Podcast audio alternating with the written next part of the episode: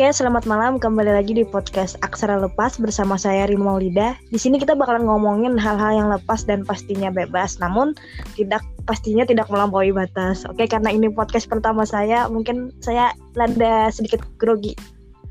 Dan sebelumnya saya mau menyapa nih uh, narsumber kita, narsum kita atau mungkin uh, bisa saya sebut teman bicara untuk malam ini di malam minggu ini.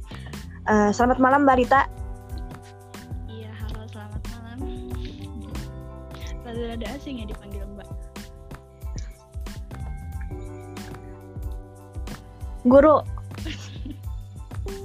oke oke tanya aja yang penting hostnya senang oke Lita Lita Lita aja Jen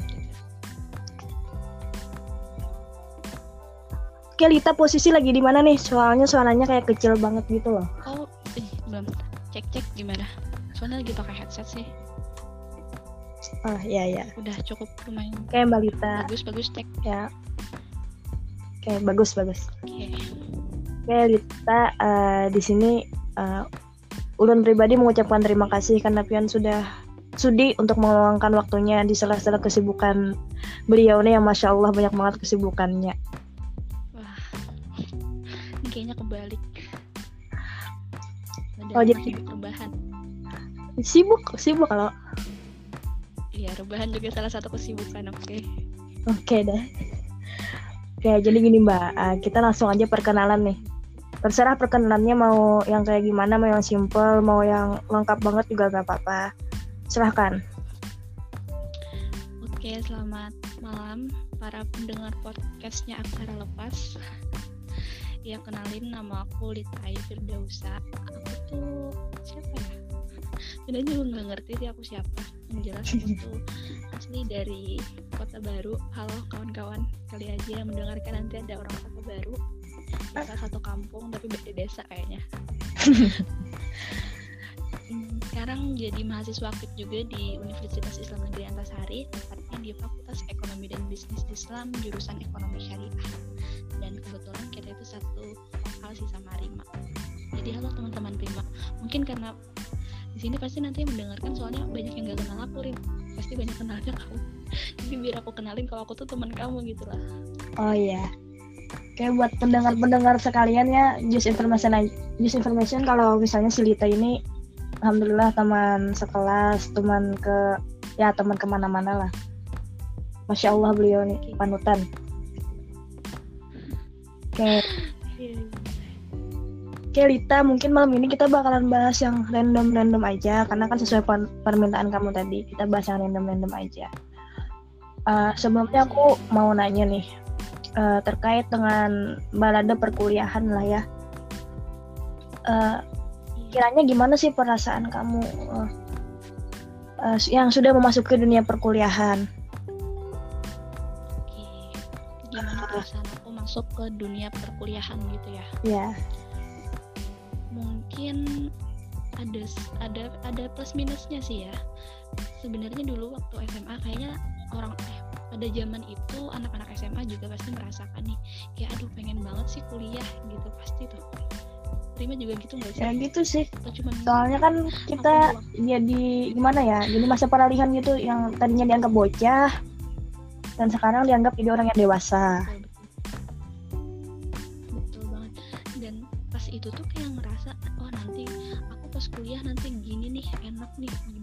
Ya pokoknya aku nggak ngebayanginnya tuh karena udah jauh dari orang tua bebas gitu. Loh kayak entah apa pokoknya tujuan aku kuliah waktu itu kayak ya udah penting aku bebas. Karena emang kok aku selama di kampung kayak ya emang seanak rumahan itu gitu loh jadi kayak pas udah kenal sama kuliah bangku kuliah dan ternyata itu nggak sesuai ekspektasi sama sekali. Ekspektasinya gimana? Karena ya bukan hanya ya ekspektasinya kayak kayak ekspektasinya tuh kayak enak hura-hura dan segala macam. Karena emang kalau ngelihat apalagi nih ya kakak-kakak kelasku gitu loh kayak ngeliat oh rame ya kuliah tuh. Oh gini ya kuliah tuh kayak oh ya hok kayak gimana ya hoki-hokian gitu loh itu dulu sih ya awal-awal banget tuh mikirnya waktu masih belum. Belum menjalani lah ya. Pokoknya tuh iya. Gak bisa tuh gitu udah masuk ke kuliahan kayak merah gila gitu loh. Ini gak sih yang aku ekspektasiin dulu tuh kayak gimana caranya kita dituntut harus ya seada-adanya hidup. Nah ya namanya juga sendirian ya. Nah, apalagi di kampung orang dan lumayan jauh juga nih kalau nyari makan dari hulu sungai nah dekat aja sih cuma tiga jam aja. Nah kalau nyapu kan harus menjalani perjalanan 8 jam. Jadi kayak kalau mau full tuh ya benar-benar harus cari libur. Kalau enggak yang kayak cuma libur sehari dua hari ya males banget pulang. Karena ya capek-capek di jalan gitu. hmm iya iya uh, tapi gini nih mbak. Uh, gimana sih mbak ini bisa mbak lagi? Lita Lita. Gimana sih Lita uh, cara seorang Lita nih untuk mem meminimalisir mungkin keadaan uh, ketika sudah masa perkuliahan ini kan pasti ada bosannya pasti ya, ya udah capek ah pengen nikah aja gitu. Gimana sih cara seorang Lita untuk meminimalisir itu? Setiap mahasiswi kayaknya. Iya iya betul ya heran kalau udah kalau pas uh, apa namanya kuliah tuh kalau udah capek bosan pasti udah lah mau nikah aja gitu. Heran juga sih kenapa. Tapi emang faktanya aku juga gitu sih. Tapi sebenarnya kalau kita pikir ya kita nikah yang nggak senikah nikahnya aja gitu. Tapi ini balik ke topik lagi ya. Uh, untuk meminimalisir rasa bosan itu kembali lagi ke orang tua sih kalau aku rim orang ya kalau aku tuh kayak ini iya kayak ada keluarga dan ada orang tua yang harus ya maksudnya tuh yang kayak di jiwa kita, di diri kita yang lagi ngerantau ini ada harapan-harapan dan hope orang tua dan juga keluarga yang besar hmm. gitu loh. Jadi kalau aku males-malesan. Ya memang aku males ya kamu tahu aku tuh males. Maksud tuh bukan males dalam hal apa tapi kayak lebih mager gitu orangnya. Heran juga saya. Yeah. terus terus? Iya gitu.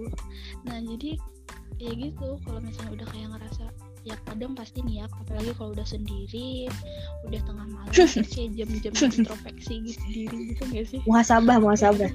Hari ini aku ngapain ya muhasabah kan hari ini aku ngapain aja aku hari ini udah berbuat apa aja. Kadang tuh kayak pas sadar wah astaga aku hari aku hari ini tadi aku kayak gini ya? Ternyata deh? Ya astaga orang tua aku loh udah banting tulang ibaratnya nih ya kerja cari uh, ongkos lah ibaratnya buat hidup kita di sini tapi kita kok males-malesan. Nah kadang gitu sih yang ngeforce buat balik lagi. Gitu oke. okay.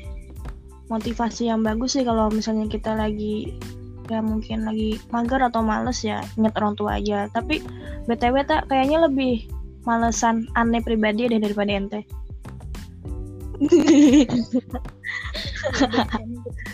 males. Nggak usah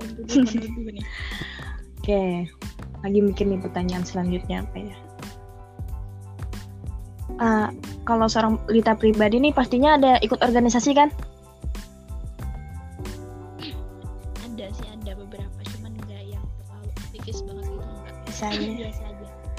cuma kalau anda lihat uh, Lita pribadi ini kayaknya orang yang selalu totalitas gitu dalam bekerja.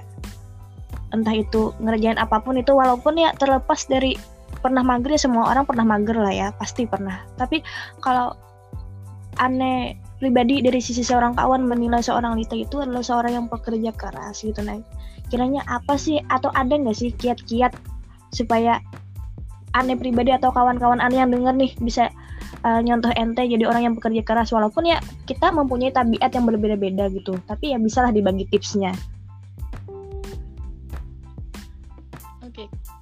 sebenarnya agak dari sih ya kalau dibilang. Harus diminta kiat-kiat atau tips kayak gitu karena merasa kayak gue sih udah sharing aja sharing lah sharing nih nanti. Mungkin ada kali aja kan ada yang bermanfaat bisa diambil nantinya. Eh, kalau dari aku sih sebenarnya. Mungkin karena bawaan dari jiwanya juga kan aku hmm. pertama nih Rim anak pertama. Dan ini sebenarnya bukan kita masalah percaya atau nggak percaya res. Cuman yang kayak relate aja gitu. Aku kan oh, iya. bintangnya. Ya konon katanya kalau Leo, Leo tuh uh, apa keras kepala gitu. Terus emosiannya pokoknya tuh sifat-sifatnya tuh yang buruk gitu loh. Yang pokoknya tuh panas-panas gitu. Nah dan aku tuh merasa banget itu tuh ada di diriku. Karena aku merasa aku anak pertama jiwa pemimpinku tuh kayak ya semaju itu. Jadi aku kalau mau mengerjakan sesuatu ya harus setotalitas itu. Tapi ini ya uh, yang minus di aku aku tuh paling nggak bisa bukan nggak bisa sih ya agak risih kalau harus gimana ya makanya aku tuh harus diayomi dengan baik kan oleh orang-orang tertentu gitu tapi nggak semua orang kalau misalnya gini tak kalau misalnya gini kalau si Rio yang ngayomin bisa nggak? Soalnya kan Rio itu sangat berwi berwibawa. Nanti podcast selanjutnya kita undang deh Rio.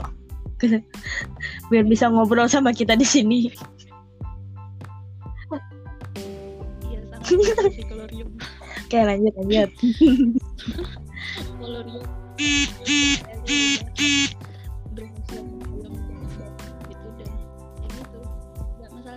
hmm, ya kalau di organisasi pun aku orangnya tuh yang kayak misalnya nih dikasih job acara ini aku bakal setotalitas itu mengerjakan yang akan menjadi kewajibanku tapi kembali lagi saat aku menjadi menjadi penanggung jawab di situ gitu loh tapi kalau misal kayak aku nih cuma ya gitulah kawan yang kayak bukan penanggung jawab sebagainya. Sampai aja. Nggak setel That's, iya aku tuh nah itu minusnya di aku tuh.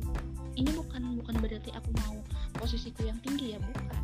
Cuman emang itu jiwanya itu pemimpin jadi saat aku dipimpin oleh orang lain kayak ngerasa gitu gimana gitu ya?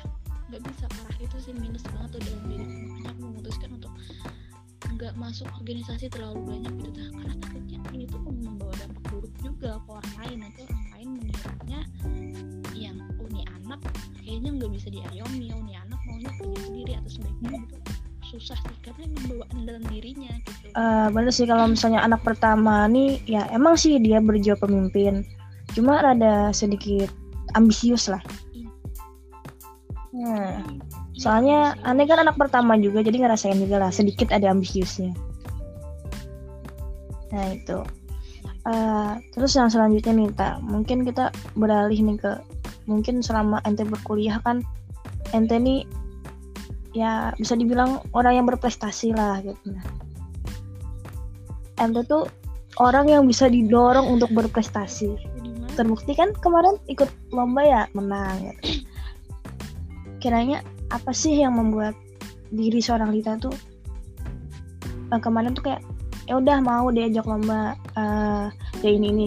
Padahal kan kalau aneh pribadi sih ngerasa ente ini termasuk tipe orang yang tertutup kan gimana cara ente supaya bisa speak up? Yang tertutup yang tertutup. yang ada tertutup lah nggak bisa nerima semua orang. Bisa masuk ke dalam kira-kira apa yang bisa apa yang membuat seorang Lita bisa speak up gitu. Gitu nih ya oke.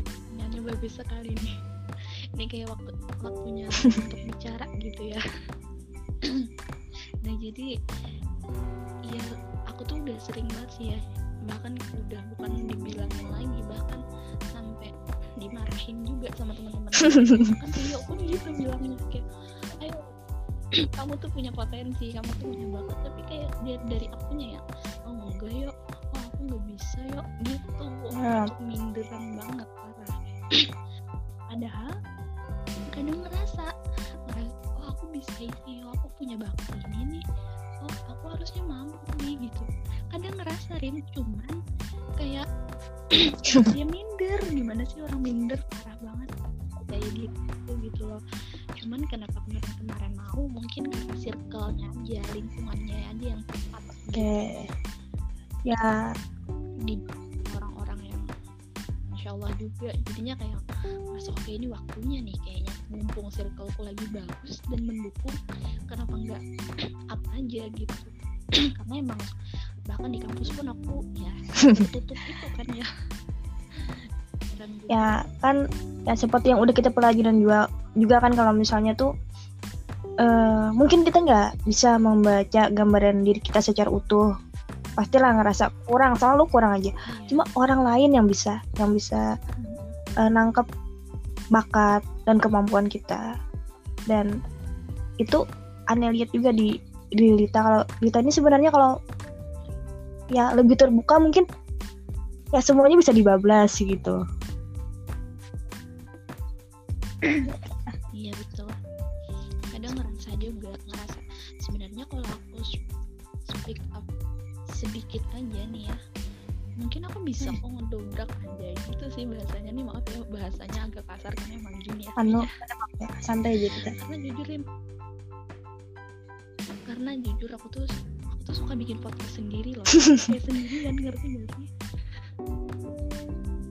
Kan aku ya gitu. Aku kan biasanya kalau melampiaskan sesuatu ya kalau nggak nulis ya bicara kayak gitu. Emang hobi banget dia bicara tuh emang hobi. Cuman ya harus lihat bahasa aku tuh yang kayak sosok di kayak gini kayak gini. Banyak iya. Iya. Sumpah demi apa aku punya banyak podcast itu bisa jadi hobi yang dikembangkan tuh itu misalnya lagi.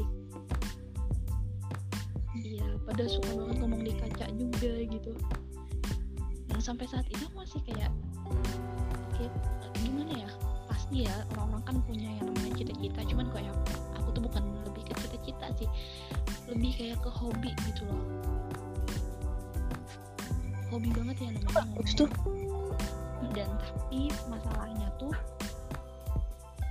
belum percaya diri untuk ngomong di depan orang banyak gitu loh. Kayak maksudnya tuh percaya diri oke percaya diri di beberapa kesempatan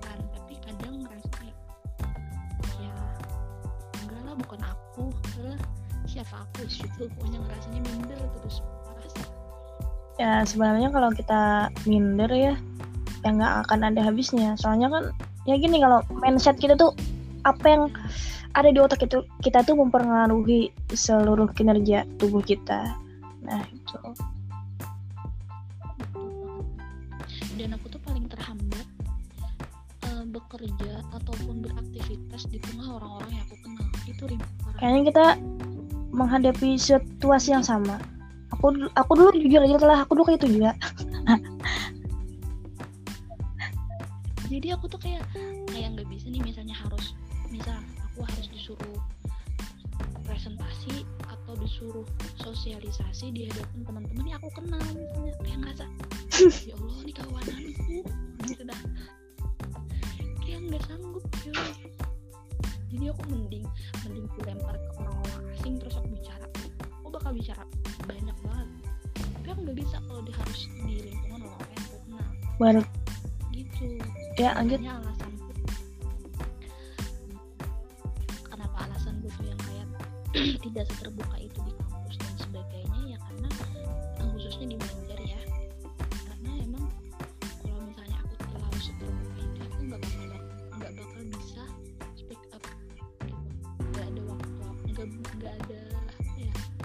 gitu loh. Buat aku bicara buat aku em, memperluas hobi dan juga keinginan hati gitu gak bisa udah kalau misalnya aku kenal banyak pasti karena kalau misalnya aku ke sini oh ada ini ke sini oh ada itu? Kayak aku bakal terhambat. Itu sih. Kayak mungkin ya setiap orang punya kekurangan lah. Tapi gimana caranya orang tersebut mau apa enggak buat berubah gitu. Iya ya doain. Kayak semoga dapat yang apa ya apa yang dicita-citakan tuh ya insya Allah apa yang diinginkan bisa dicapai lah. Dan bisa lebih speak up lagi pastinya. Kayak mungkin kita uh, beralih nih. Mungkin gini selama Lita di Banjarmasin ada nggak sih uh, sosok yang menginspirasi selain orang tua selain orang tua? Karena orang tua itu kayaknya udah jadi kewajiban lah buat kita menjadikan beliau-beliau itu ins- inspirasi. Ini selain orang tua.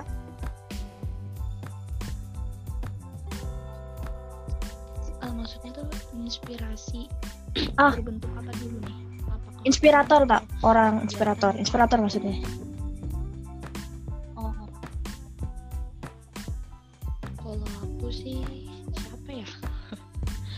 men- mengidolakan siapa pun yang aku lihat di depan mataku yang bisa bicara di depanku sih.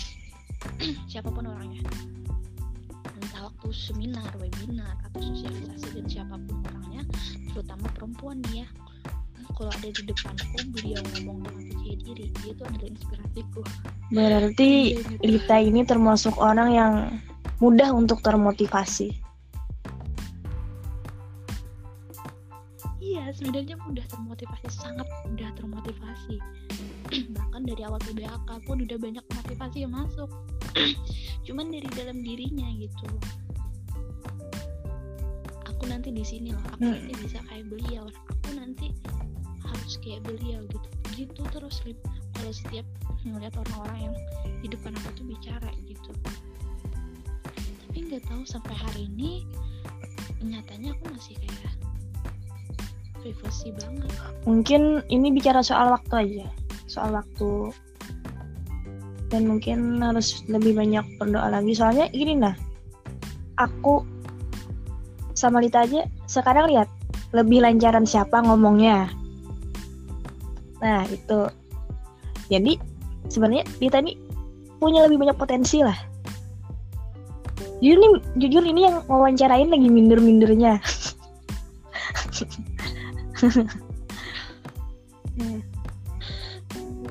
Oke, lanjut nih. Lanjut masalah sesuai request deh, masalah bucin. Seorang Lita ini Oke, sesuai request. Seorang Lita pernah gak sih ngerasain yang namanya jatuh cinta? Jatuh bangun, terus jatuh cinta lagi pernah gak sih?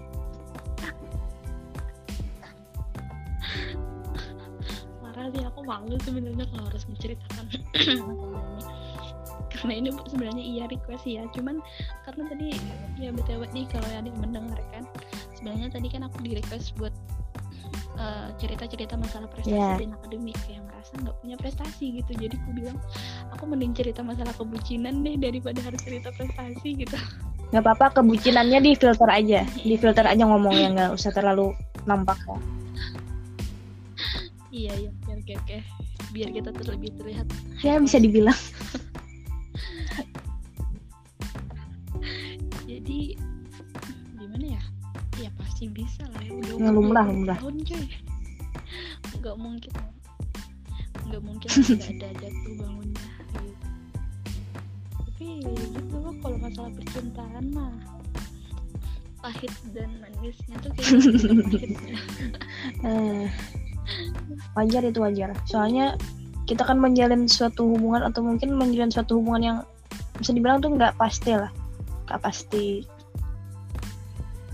iya tapi iya tapi sebenarnya aku tuh gimana ya nggak terlalu menggubris dan juga bukan bukan menggubris sih ya bahasanya cuman kayak nggak terlalu memegang kata-kata yang menurutku itu laki-laki itu Apa? sih bahasanya rim Fuckboy, fuckboy fuckboy. gitu yang Fuckboy. itu namanya iya fuckboy fuckboy fuckboy gitu kan sebenarnya. Gimana ya sebenarnya kayak ya wajar coy kayak orang belum mau Hmm. ya maksudnya tuh kayak mau main-main kan gitu. Iya iya pasti nggak cukup satu lah yang namanya juga mau seleksi alam. Pun aku juga gitu masalahnya. Karena ya kita tuh kayak misalnya kita lagi didekatin sama satu orang cowok ya udah kita jalan jalan jalan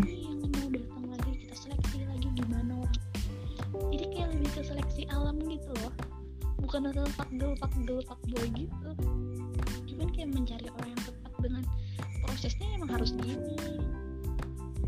Kecuali emang udah dikasih kepastian nih oh nanti aku mau ada niat buat gini gini gini terus kitanya malah jalan lain. Beda lagi. Oke. Jadi eh, kalau Lita sendiri tidak menganalogikan bahwasanya kalau orang yang sering dekat-dekat itu bisa dikatakan fuckboy ataupun fuckgirl gitu.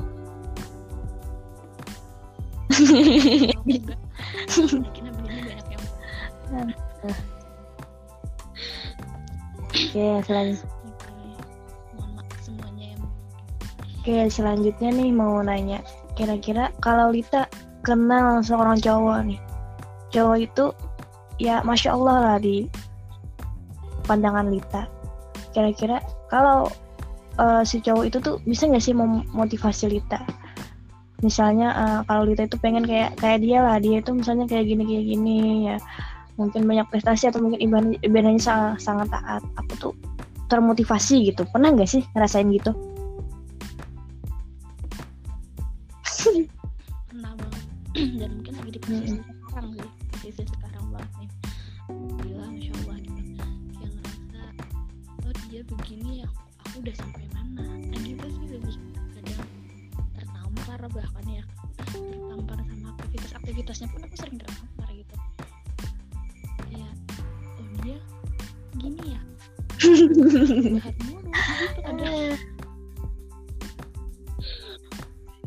sampai kayak ya aku pantas nggak sih sebenarnya? Gitu sih cuman ya kembali lagi ya jodoh mah di jalan di tangan Allah juga. Kita jalanin prosesnya aja gimana gimana diikhtiarkan. Oke, intinya ya yang penting kita udah berusaha sisanya kita serahin lagi tawakal lagi kepada Allah. Oke berbicara ke yang part selanjutnya nih. Mungkin ini pembicaraannya lebih serius nih ta lebih serius lagi ya ini lebih serius lagi. siap nggak di part ini nih? Oke oke oke. Oke saya mengeluarkan kegugupan dulu ya. Nah, sih ini sebenarnya nggak serius cuma lebih ke arah apa ya? Bentar ya saya mikir dulu nih. Mau mikir pertanyaannya dulu. Kita biasanya kan tuh kita setiap malam Jumat ada kegiatan untuk pengajian. Dan harus terhenti di masa pandemi ini. Dan sosok yang ada di pengajian itu berarti ya sosok yang sangat kita panuti kita banggakan sosok Allah yarham Kiai Haji Guru Zuhdian Nur. Kira-kira pandangan Lita tentang sosok Guru Zuhdi ini gimana? Nah itu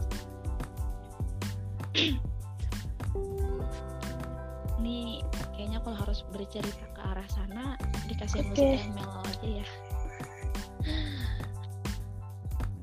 karena ya emang nggak bisa dipungkiri gitu pertama kali ke jadi anak perantau yang ibaratnya tuh berhijrah dari kota baru ke Banjarmasin.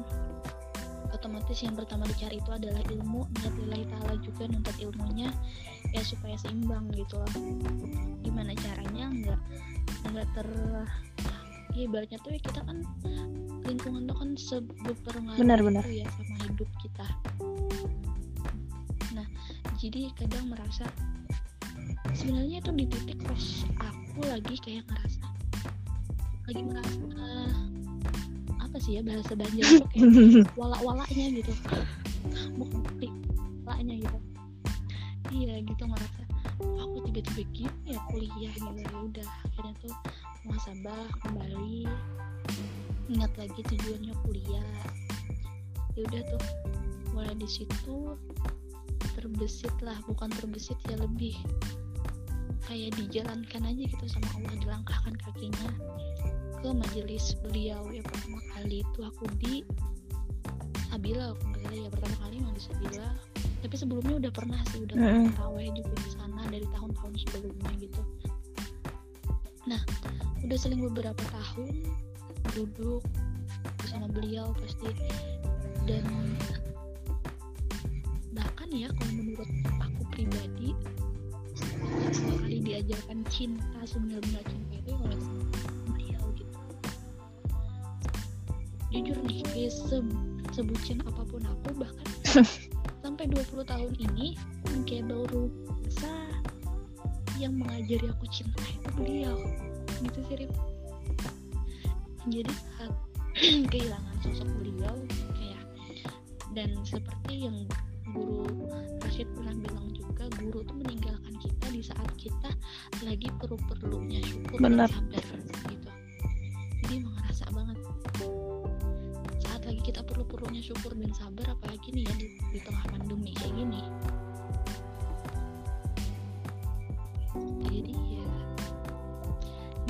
kadang kalau ngerasa merasa melakukan sesuatu yang salah dan sebagainya kadang suka ingat aja gitu. Ingatnya ke sana ke guru. Oh astagfirullahaladzim. Guru melihat nah aku lebih kayak gitu sekarang tuh Masya Alhamdulillah gitu. Ya gitulah. Ya, pokoknya tuh intinya tuh selalu berdoa aja. Semoga kita semuanya nih mungkin yang mendengarkan juga pasti orang-orang yang soleh dan soleha pastinya pernah duduk Insya Allah. bersama Bahaji dan selalu dalam pandangan beliau Amin amin ya Allah. Ya, kita- Karena emang sih kalau kita bicarain tentang sosok guru zuhudi ini ya benar-benar mengajarkan kita cinta, benar-benar mengajarkan kita makrifat dan jujur ya aneh pertama kali duduk di Sabila, duduk mendengar cara Masjidin ya Allah langsung jatuh cinta.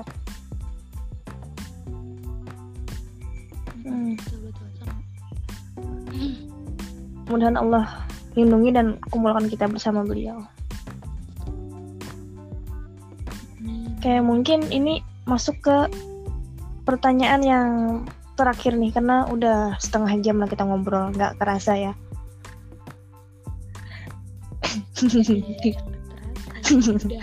Kayak mau nanya nih ta, Eh, kira-kira apa sih pesan Lita nih buat para pendengar sekalian? Mungkin kan yang kebanyakan yang dengar ini pastinya kawan-kawan mahasiswa. Apa sih pesan buat mereka semua?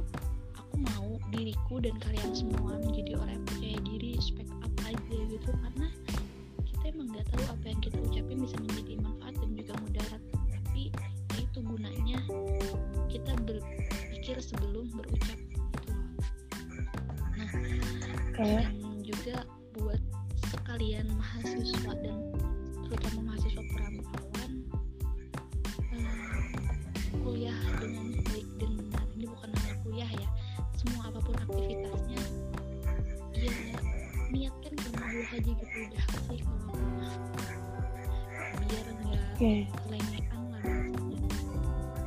karena ya tadi di kita itu ada harapan atau orang tua dan juga keluarga yang besar Oke. Benar-benar pesan yang membekas sih dari seorang Lita. ya itulah Eh, aneh di sini eh, beruntung kayaknya bisa ngobrol sama ente selama setengah jam ini meskipun waktu kita terbatas. Tapi aneh bersyukur, bersyukur sangat bersyukur bisa ngobrol sama ente malam ini. Eh, eh, aneh harap nanti mungkin ente bisa lagi lah tampil di podcast yang selanjutnya. Tapi mungkin kita bahas pembahasan yang berbeda. Kayak misalnya bahas pembahasan antara eh, apa sih fuckboy dan fuckgirl menurut substansi dari kita pribadi bisa. boleh boleh kayaknya harus menyiapkan materi yang panjang nanti bisa. Atau mungkin mau diajak sekalian fuckboynya bisa. mantannya gitu Oke deh. Oke mungkin karena udah jam 22.21 mungkin Lita juga mau istirahat. Siapa tahu besok ada job kan? Lumayan. Ambil berkat Rasulullah. iya bulan maulid Kan amplopnya bisa bagi-bagi isinya. siap siap Oke, sekian dulu deh, Ta. Mungkin Lita mau istirahat. Eh Ane ucapin terima kasih karena udah mau di podcast malam ini. Mohon maaf kalau misalnya Ane ada salah kata atau mungkin yang gak baik lah misalnya. Oke, Ane tutup dulu podcast malam ini. Eh, sampai jumpa di podcast selanjutnya. Tetap stay tune di podcast Aksara Lepas. Bye-bye, Dita. Assalamualaikum.